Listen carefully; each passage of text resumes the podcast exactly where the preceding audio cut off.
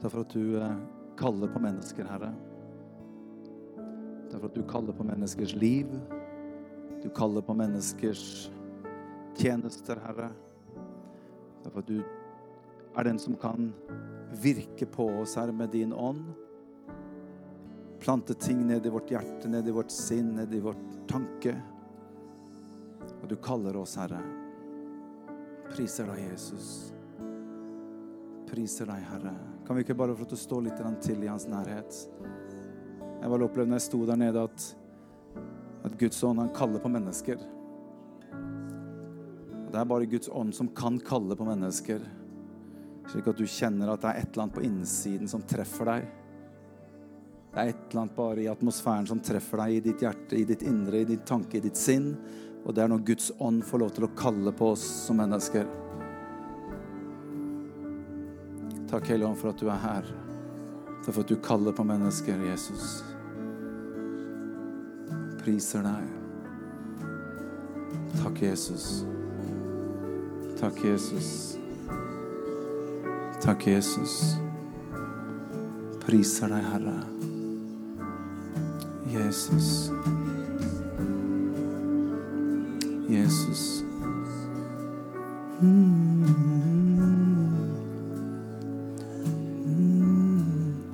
Jeg vil gå dit du går, Hjelpen du kaller, hjelp meg å følge. Jeg vil se de du ser, ytterste hjertes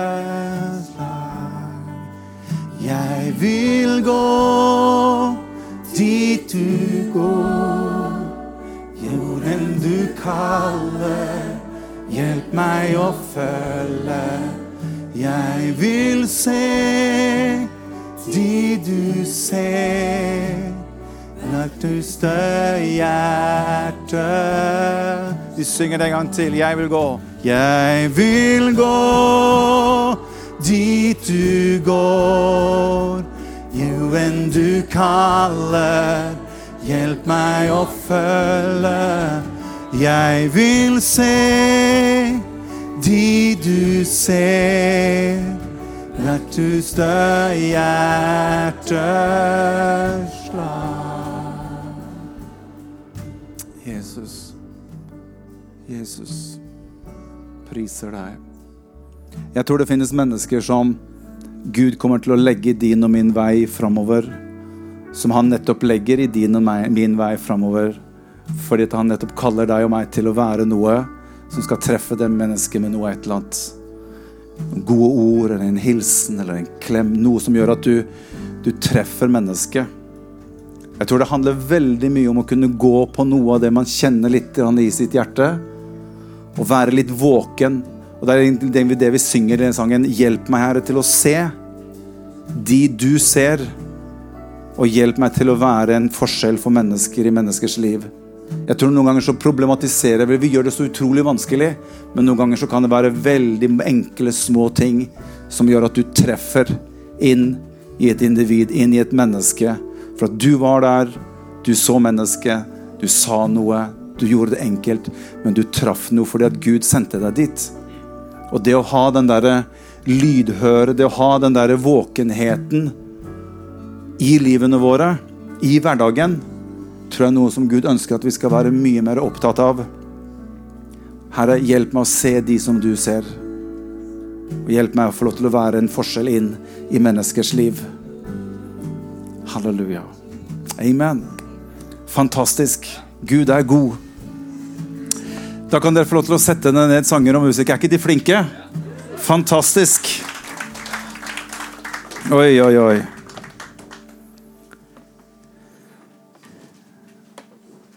Det var, det, det var, jo familiegudstjeneste vi hadde i, klokken 11, og da hadde jeg en helt, annen, en helt, annen, tale enn det jeg skal holde nå. Men det var noen som kom til meg du må jo bare holde samme tale klokka 13. For det, da hadde jeg om planeter og galakser og, og eh, blodårer og lengder inni kroppen. Og unga var jo liksom, syntes det var veldig spennende.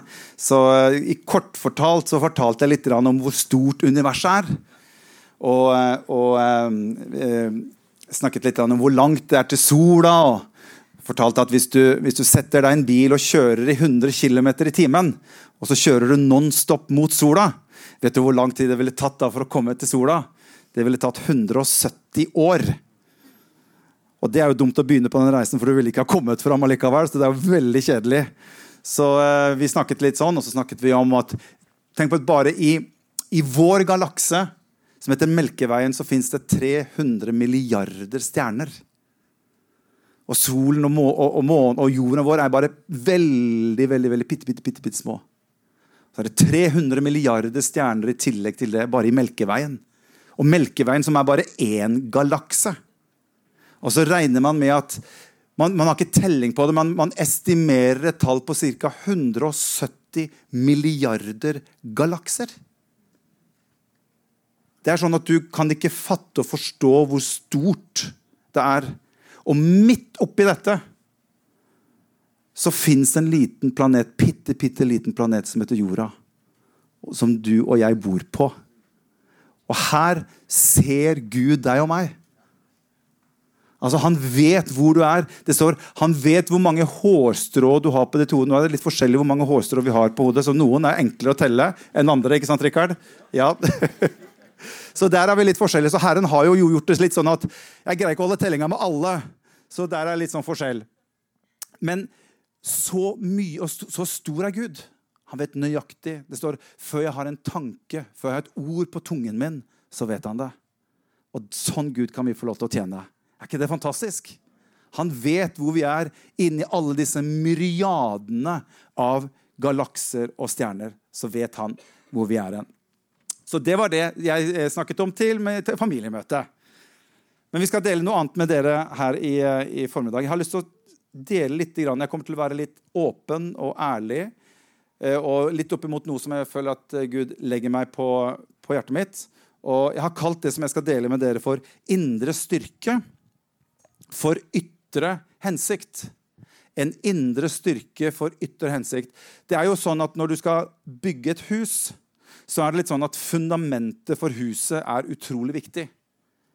All størrelse, all form, all utseende på en bygning står i direkte relasjon med fundamentet som det er bygget opp på.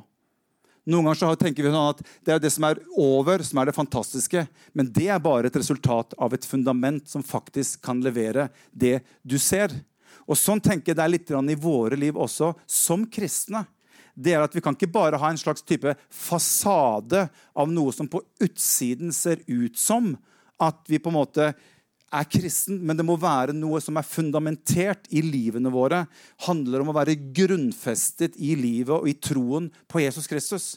Så det har noe med fundamentet på innsiden av oss som skal være det som gjør seg utslag på utsiden av oss som mennesker. Og Det er litt av det som jeg ønsker å dele med dere. Og så ønsker jeg å være litt åpen og ærlig på noe av det som jeg føler er viktig for oss i den tiden. Og jeg, jeg har sagt det før, jeg sier det i hvert fall nå, at hvis det er en tid hvor vi virkelig trenger kirke og menighet, så er det den tiden vi lever i akkurat nå. Den, det behovet for kirke og menighet er ikke noe som avtar i behov.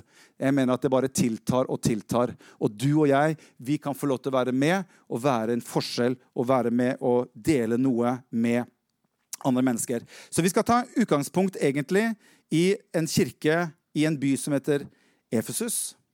Eh, som jeg skal dele litt med. Eh, kirken i Efesus er jo en kirke som som Paulus grunnla i sin tid. Efesus på den tiden det var et, et ordentlig stort si, metropol i det romerske riket. Det var en utrolig stor, rik handelsby. Den hadde fantastisk store, flotte bygninger. Stadioner, teater, biblioteker. Du kan til, e, reise til Efesus i dag, og i dag er omtrent alt borte av den storhet som en gang var i Efesus. Du kan se en søyle eller to, eller bare fronten på dette Celsus-biblioteket, som også finnes, som var på den tiden her. Alt som var bygd, alt det storslåtte, alt det flotte, forsvant. Det var i denne byen Paulus kom til. Det var i denne byen Paulus forkynte evangeliet. Og det var også i denne byen Efesus hvor Paulus var med og grunnla en kirke. Den er også borte. Og jeg tenker noen gang hva, hva, Hvorfor er den kirken borte som, si, som selveste Paulus var med og grunnla? Og vi får en antydning til noe av dette hvis vi går sammen i, i, i Johannes' åpenbaring, kapittel 2. Og Johannes' åpenbaring i starten Johannes åpenbaring har kunne godt tenkt meg å tatt en serie en gang og gått gjennom alle disse kirkene som, som Johannes eh, eh skriver til i Johannes' åpenbaring. Disse syv menighetene, eller disse syv kirkene. Det skulle vært gøy å gått gjennom og hatt en sånn serie. Ikke på syv, kanskje, det blir kanskje litt voldsomt. Men kanskje vi kunne ta to og to, da, eller litt sånn for å komprimere litt. Men i Johannes' åpenbaring så skriver Johannes, for han får et møte med Jesus, og Jesus ber han skrive disse hilsenene til de forskjellige kirkene kirkene, disse syv kirkene. Og her kommer en slags form for sånn, hva skal vi si, status quo ifra Jesus selv, som Johannes skriver, og som han sender til menighetene. Og jeg tenkte, når jeg satt og leste dette, tenkte jeg, Tenk hvis Jesus hadde skrevet et brev og lagt i postkassa mi til pastor Morten Aune, status quo for Pinsekirken i Bærum. Hilsen Jesus. Altså, Snakk om at skattemeldingen og sånt er litt spennende over åpne av og til. Men det syns jeg hadde vært utrolig eh, Hva hadde stått i den meldingen hvis Jesus hadde skrevet nå en, status, liksom en sånt brev til meg eller til oss som kirke? Men det er det Johannes gjør her. Han skriver dette, og her får vi en liten indikasjon, for her skrives det et brev, nemlig til byen, eller kirken eller menigheten i Efesus. Og Fra vers 19 i kapittel 2 der skriver Johannes, der står det men dette har jeg mot deg, at du har forlatt din første kjærlighet. Så sier han, vend om og gjør de gjerninger du gjorde før. Ellers kommer jeg til deg og tar lysestaken din bort. Dette er ord fra Jesus via Johannes til menigheten i Efesus.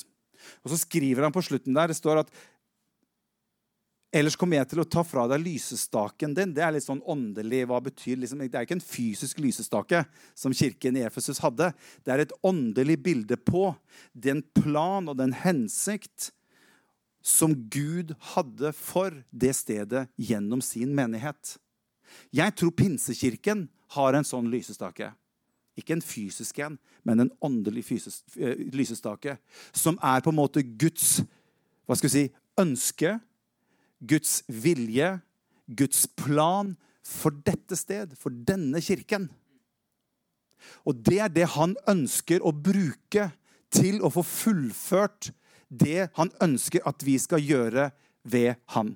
Det er den lysestaken på en måte som lyser, som er fra hans side til menigheten, som vi kan ta del i for å gjøre det vi opplever at Gud skal kalle oss til å gjøre. Og det er noe her som står om når Johannes skriver at hvis ikke dere på en måte gjør noe med den kjærligheten dere har til Gud, så kan dere risikere at jeg tar bort det som jeg hadde egentlig tenkt at dere skulle bruke videre. Og det er det som skjer her i, i forbindelse med, med eh, kirken i Efesus. Og jeg har skrevet her om det er noe som kan true dagens kirke eller dagens menighet, da tenker jeg ikke bare her, men tenker generelt der hvor vi forkynner om Jesus, så er det likegyldighet. Og Det er et ord som har bare kommet opp igjen og igjen og igjen og igjen i sinnet mitt. Likegyldighet. Å ta ting for gitt. Ta ting for at det er ikke så nøye, eller Og Jeg har sagt det, jeg kommer til å være ærlig. Nå kommer jeg til å dra dere litt ned sånn i begynnelsen. Og så skal jeg prøve å løfte dere opp litt på slutten. Okay? Så nå er vi liksom på vei nedover. Det blir dårligere og dårligere stemning. Og så skal vi prøve å løfte litt opp mot slutten. Men hvis det er noe som jeg tror kan være med å true menigheten i dag, så er det en likegyldighetsånd. Vi blir likegyldig til det som har med Guds rike å gjøre. Vi blir likegyldige til det som har med å leve i Guds rike, leve for Jesus. Og det er noen ting her som jeg syns er på en måte litt Som jeg har lyst til å ta med. Jeg har skrevet her likegyldighet er farlig. Den lammer vurdering av konsekvensene. Likegyldighet lammer min vurdering av konsekvensen av å være likegyldig. Det var en, det var en tysk kjent teolog i, i, på 1900-tallet. Han, han, skrev et dikt. Han hadde vært i, i, han, hadde vært han heter Martin Møller. Niemøller het han. Han skrev et dikt i 1946. Han hadde vært i en konsentrasjonsleir og sett litt hva som foregikk under krigen. Og det var noe med denne, denne Martin Niemøller hvor han opplever at likevel hvor så mye forferdelig som skjer, så opplever han på en måte at folket er på en måte litt likegyldig for det.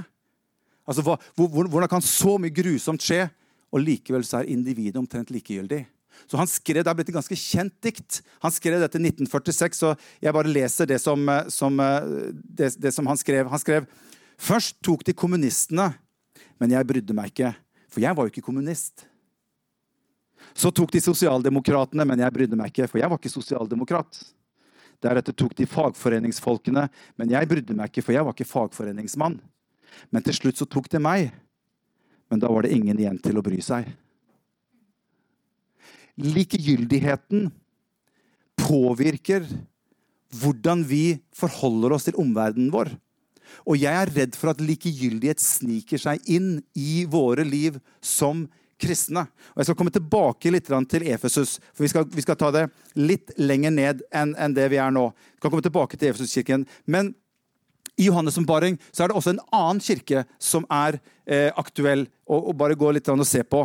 Som hva skal vi si, også får et brev fra Johannes, og det er kirken i Laudikea. Og de får et ganske tøft brev ifra vår Herre. Og I det brevet så beskriver Jesus noe av tilstanden, noe av mentaliteten, som er til de troende i Laudikea.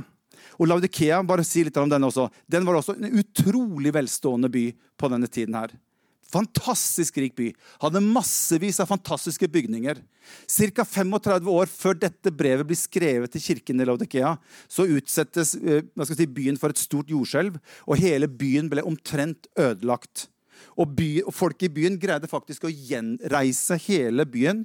og Den, den fikk den tilbake faktisk i enda større omfang enn tidligere. Større bygninger, større templer, større teater. Og den var mer velstående enn noen gang. Men så får de dette brevet fra, fra, Johannes. Det eneste problemet Laudikea hadde som by på den tiden, det var ikke alle bygningene sine, men det var vanntilførsel. De hadde problemer med å få vann i byen sin. Så de måtte gå til naboliggende byer for å legge opp sånne lange vannrør. Og det var spesielt to byer i nærheten av Laudikea som kunne gi de vann. Så de la vannrør. ene byen kunne de faktisk få kaldt vann ifra, og fra den andre byen kunne de faktisk få varmt vann ifra varmekilder ifra den byen og inn til Laudikea. Problemet var bare at avstanden fra kilden og inn til byen Laudikea den var såpass lang at når vannet nådde inn i Laudikea, så var det verken kaldt eller varmt. Så når Johannes skriver dette brevet til menigheten i Laudikea, så skjønner Jesus hva som foregår. Og Det er derfor han begynner i kapittel 3, Johannes' åpenbaring, i vers 15. Der står det 'Jeg vet om dine gjerninger'. Og så sier han om kirken i Laudikea 'Du er verken kald eller varm'. Og alle i Laudikea visste hva dette betydde for noe. Så sier han 'Om du bare var kald eller varm, men du er lunken, ikke varm og ikke kald', derfor skal jeg spytte deg ut av min munn'. Problemet med folket i Laudikea det var likegyldighet. Hvis du leser i vers 17, så leser du at Johannes skriver til ham så sier han, du sier at jeg er rik, og jeg har overflod, og jeg mangler ingenting. Men du vet ikke at nettopp du er elendig og ynkelig, fattig, blind og naken. Og jeg synes Det er utrolig å legge merke til den store kontrasten det er mellom hvordan de selv oppfattet seg selv, hvilket bilde de hadde av seg selv, og den status quo-meldingen som kommer fra Jesus inn i kirka. Den er så stor. At det blir litt sånn, Hvordan kan det være sånn at man kan tro at her står det bare bra til? Her er jo alt på stell. Her er det flott. Og ikke bare kanskje bare i kirken, men kanskje i ditt og mitt liv. Og i våre liv, i vårt samfunn, så kan det noen ganger vi tenke sånn ja, men Det står bra til. Vi har jo troen vår, og vi, vi har jo en kirke som vi kan gå til. og vi, Alt står så bra til. Men Gud kommer med en slags form for advarsel. Vet Du hva? Du sier om deg selv at det står bra til, men du vet ikke hvor dårlig det egentlig står til. Og det er noe av dette alvoret her. Og jeg tror at i sånn post-koronatid så tror jeg vi trenger å få våkne opp lite grann. Slik at vi kan få lov til å se hvilken tid vi lever i, og hva Gud ønsker å gjøre gjennom sin forsamling. Så ikke det bare går en liten stund og en liten tid, og så skjer det bare den at ting bare dimmes mer og mer bort. Ting bare pulveriseres mer og mer bort, og så forsvinner alt sammen. Og så står det bare igjen som et minnesmerke fra Laudikea eller i byen Efesus. Det står bare en søyle igjen av noe som en gang var. Jeg tror ikke at Gud ønsker at det skal bare stå som, igjen, som, et, som, et, si, som et, minnesmerke. Men jeg tror Gud ønsker å bygge sin forsamling, bygge sin menighet og deg og meg med en grunnfestet tro i vårt hjerte som gjør at han, når han kommer tilbake, så skal det være massevis av mennesker som tror på Jesus Kristus. Det er det som er muligheten. Men da må du og jeg sørge for at ikke vi bare går rundt og tror kanskje at alt står så bra til, at vi noen ganger må la Gud få lov til å spørre litt sånn Hvordan står det til med deg? Hvordan står det til med meg? Hvordan er det med den temperaturen på innsiden i livet ditt, i ditt og mitt hjerte, opp imot det å leve for Jesus? Henger du med? Det er bra. For Jesus han kommer med en løsning. Nå skal vi begynne å løfte dette litt. Nå er vi utrolig, eh, nå er vi langt nede. Nå skal vi prøve å løfte dette litt. For Jesus kommer med en løsning, og det syns jeg er fantastisk. For han fortsetter i vers 18. Så sier Jesus, derfor gir jeg det råd at du kjøper gull av meg, renset i ild, så du kan bli rik og hvite klær som du kan kle deg med, og skjule din nakne skam. Og så står det og salve til å smøre på øynene dine, så du kan se. Hva er salve på øynene for noe? Jo, salve det er et bilde på Guds ånd. Som han ønsker at vi skal smøre på våre øyne. Det er ikke fysisk, det er bare åndelig sagt. Det er noe som gjør at jeg kan se tingene for hvordan det virkelig er. Bibelen snakker veldig mye om øyne som kan se. Bibelen snakker om at de tror løgnen framfor sannheten, men at Gud kan åpne deres øyne slik at de kan se.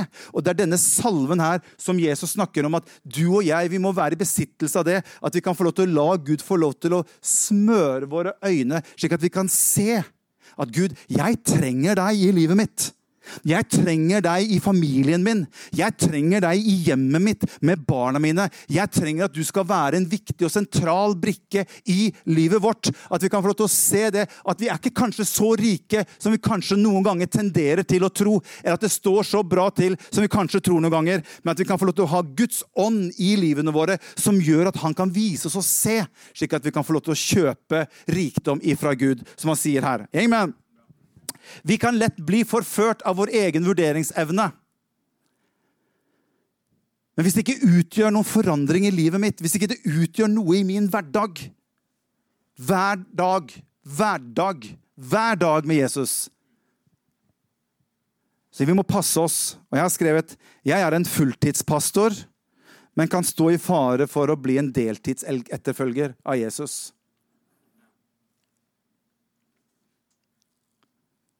Jeg er kanskje en fulltidsmamma eller fulltidspappa, men jeg blir etter hvert bare en deltidsetterfølger av Jesus. Eller jeg er en fulltidsforretningsmann, men jeg har blitt en deltidsetterfølger av Jesus. Jeg tror vi trenger alle sammen noen ganger. Det er som David sa, Herre, ransak mitt hjerte. Og kjenn og se om jeg er på den rette vei. Og Noen ganger så tror jeg vi skal bare være ærlige med oss selv. La han få lov til å ransake oss litt. Grann.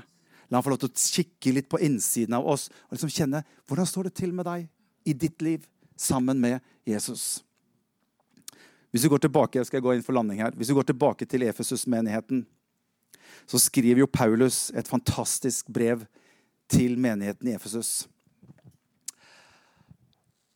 Som han hadde plantet.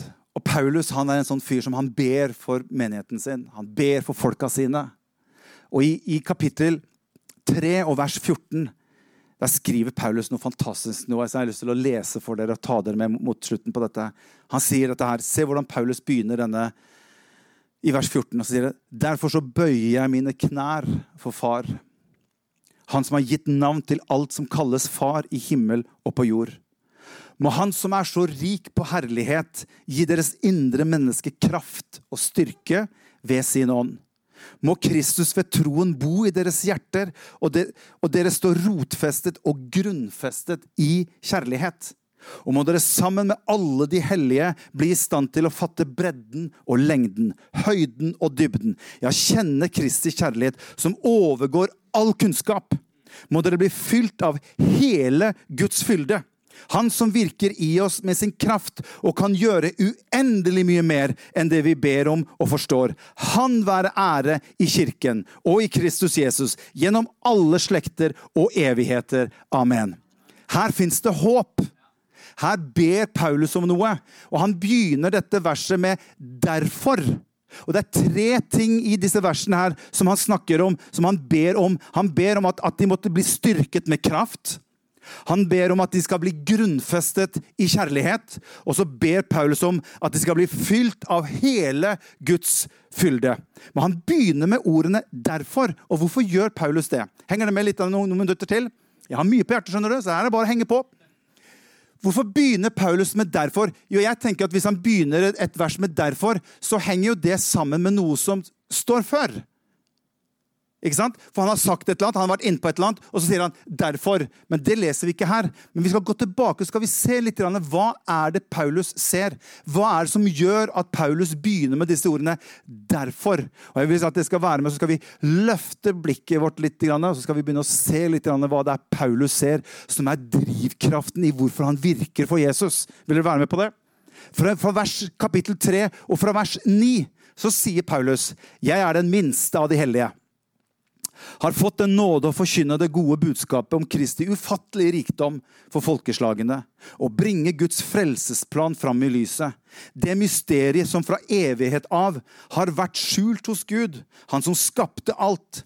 Slik skulle hans mangfoldige visdom bli kunngjort gjennom kirken for maktene og åndskreftene i himmelrommet, etter Guds evige forsett, som han nå har fullført i Kristus Jesus, vår Herre. Det er sånne skriftsteder som er greit å ta og lese en gang til, okay, for å få med seg noe av det enorme innholdet i dette her. Men hva er det Paulus skriver for noe her? Hva er det Paulus ser når han skriver disse versene her? For det er det han skriver her, som gjør at han begynner etterpå å si 'derfor'. amor. Hva er det Paulus får se? Hva er det Paulus skuer inni her? Jo, for det første så snakker han om dette mysteriet fra evighet av. Hva er dette mysteriet fra evighet av som Paulus begynner å se når han begynner sitt virke? Jo, han begynner å skjønne det, at det var ikke bare jødene som skulle få del i Guds frelsesplan, men han skjønte plutselig det at alle mennesker, hedningene i tillegg til jødene, skulle få lov til å bli en del av den store frelsesplanen frelsesplan til Jesus Kristus. Det er det han ser som dette mysterium som han plutselig, Paulus, begynner å ane og skjønne. Han var jo jøde selv, og han hadde fått møte Jesus, men fortsatt så begynner Gud å vise han ting på hvor stort dette her egentlig er. Og nå begynner Paulus å ane og se at dette mysteriet fra evighet av ja, men det er jo at alle mennesker er inkludert i Guds store frelsesplan.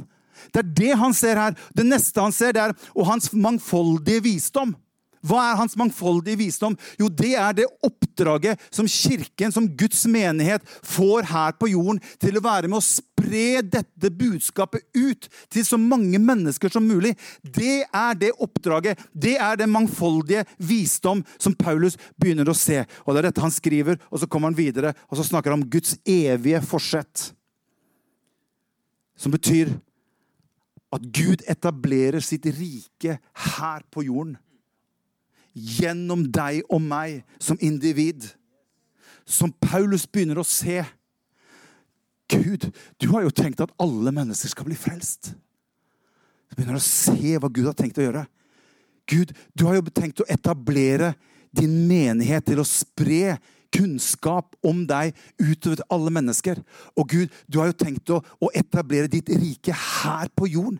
Var det det Jesus mente når han sa 'din vilje skje på jorden som i himmelen'? Og Det er derfor Paulus ser disse tingene her som nesten som i en åpenbaring. som i en slags for, han, han bare skuer inn i et eller annet, og rett etter dette så står det 'Derfor bøyer jeg mine knær for min far'. Altså, dette her har ikke jeg sjans å gjøre aleine. Det hadde jeg ikke mulighet til å få til i egen kraft. Men han var ikke så opptatt med sine egne problemer akkurat nær. Nå hadde han begynt å løfte blikket sitt, og det er derfor han sier Derfor bøyer jeg mine knær for far. Han som har gitt navn til alt som kalles far i himmel og på jord. Og det er da han sier, må Han som er så rik på herlighet, gi deres indre menneske kraft og styrke ved sin ånd. Må Kristus ved troen bo i deres hjerter, og så dere står rotfestet og grunnfestet i kjærlighet. Og må dere sammen med alle de hellige bli i stand til å fatte bredden, til å fatte alt hva dette her går ut på.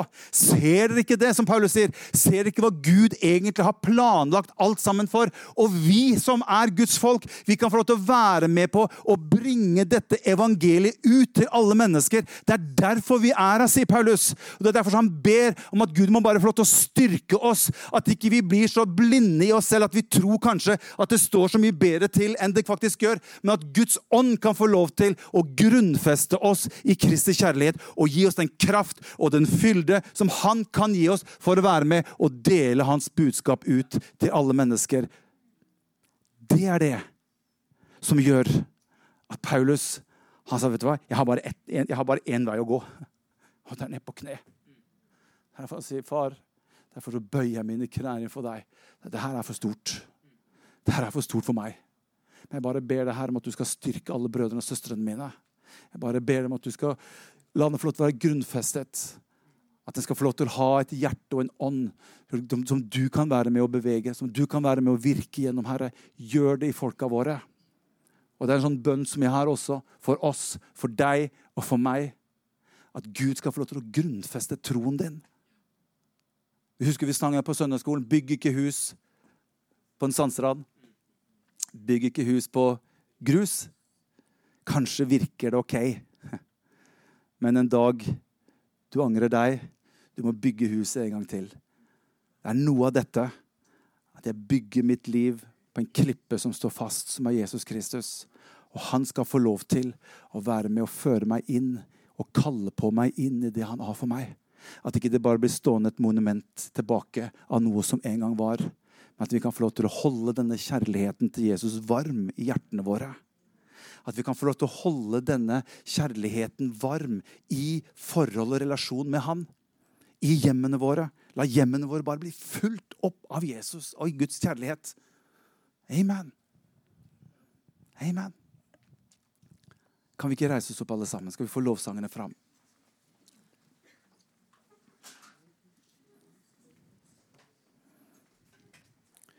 Gud har en plan. Og Gud har en plan for dette sted. Gud har en plan for deg. Gud har en plan for meg. Og Gud har gitt dette sted, denne kirken her, en lysestake som lyser. Men skjønner, Den lysestaken som lyser, den står i direkte relasjon til hvordan du og jeg forholder oss til det Gud kaller oss til. Og Det er den indre styrken som Paulus her ber om til, i menigheten til Efesus. Det er denne indre styrken som må slå seg ut, slik at det blir fysisk, det blir synbart på utsiden for andre mennesker. Og det er det han har kalt oss til. Og Jeg ønsker ikke at dette skal bli en sånn lysestake som bare, etter hvert blir bare tatt bort, og så står det igjen et minne. Men at det skal få lov til å lyse sterkere og sterkere. Gjennom at du og jeg får lov til å henge oss på og si ja til Jesus. Gjør meg til et vitne, Herre. Gjør meg grunnfestet i mitt liv. Fyll meg med din ånd, slik at jeg kan få lov til å oppleve å være en kristen som deler noe med andre mennesker. Jesus, jeg takker deg for hver eneste en som er her i dag, Herre. Takk for at du elsker oss. Takk for at du er den som ga ditt liv for oss, Herre. Takk for at du kjenner hver eneste en av oss. Du kjenner vårt hjerte, Herre. Og jeg bare ber om at du skal fortsette å kalle på oss i livene våre, slik at vi kan få lov til å være med og gi deg hele livet vårt, Jesus. Du ber ikke om å bare få en liten del. Du ber ikke om å bare få lov til å flytte inn en liten hybel, men du ønsker å ha hele oss, Herre. Takk for det, Jesus. I Jesu navn. Amen. Vi synger litt sammen til slutt.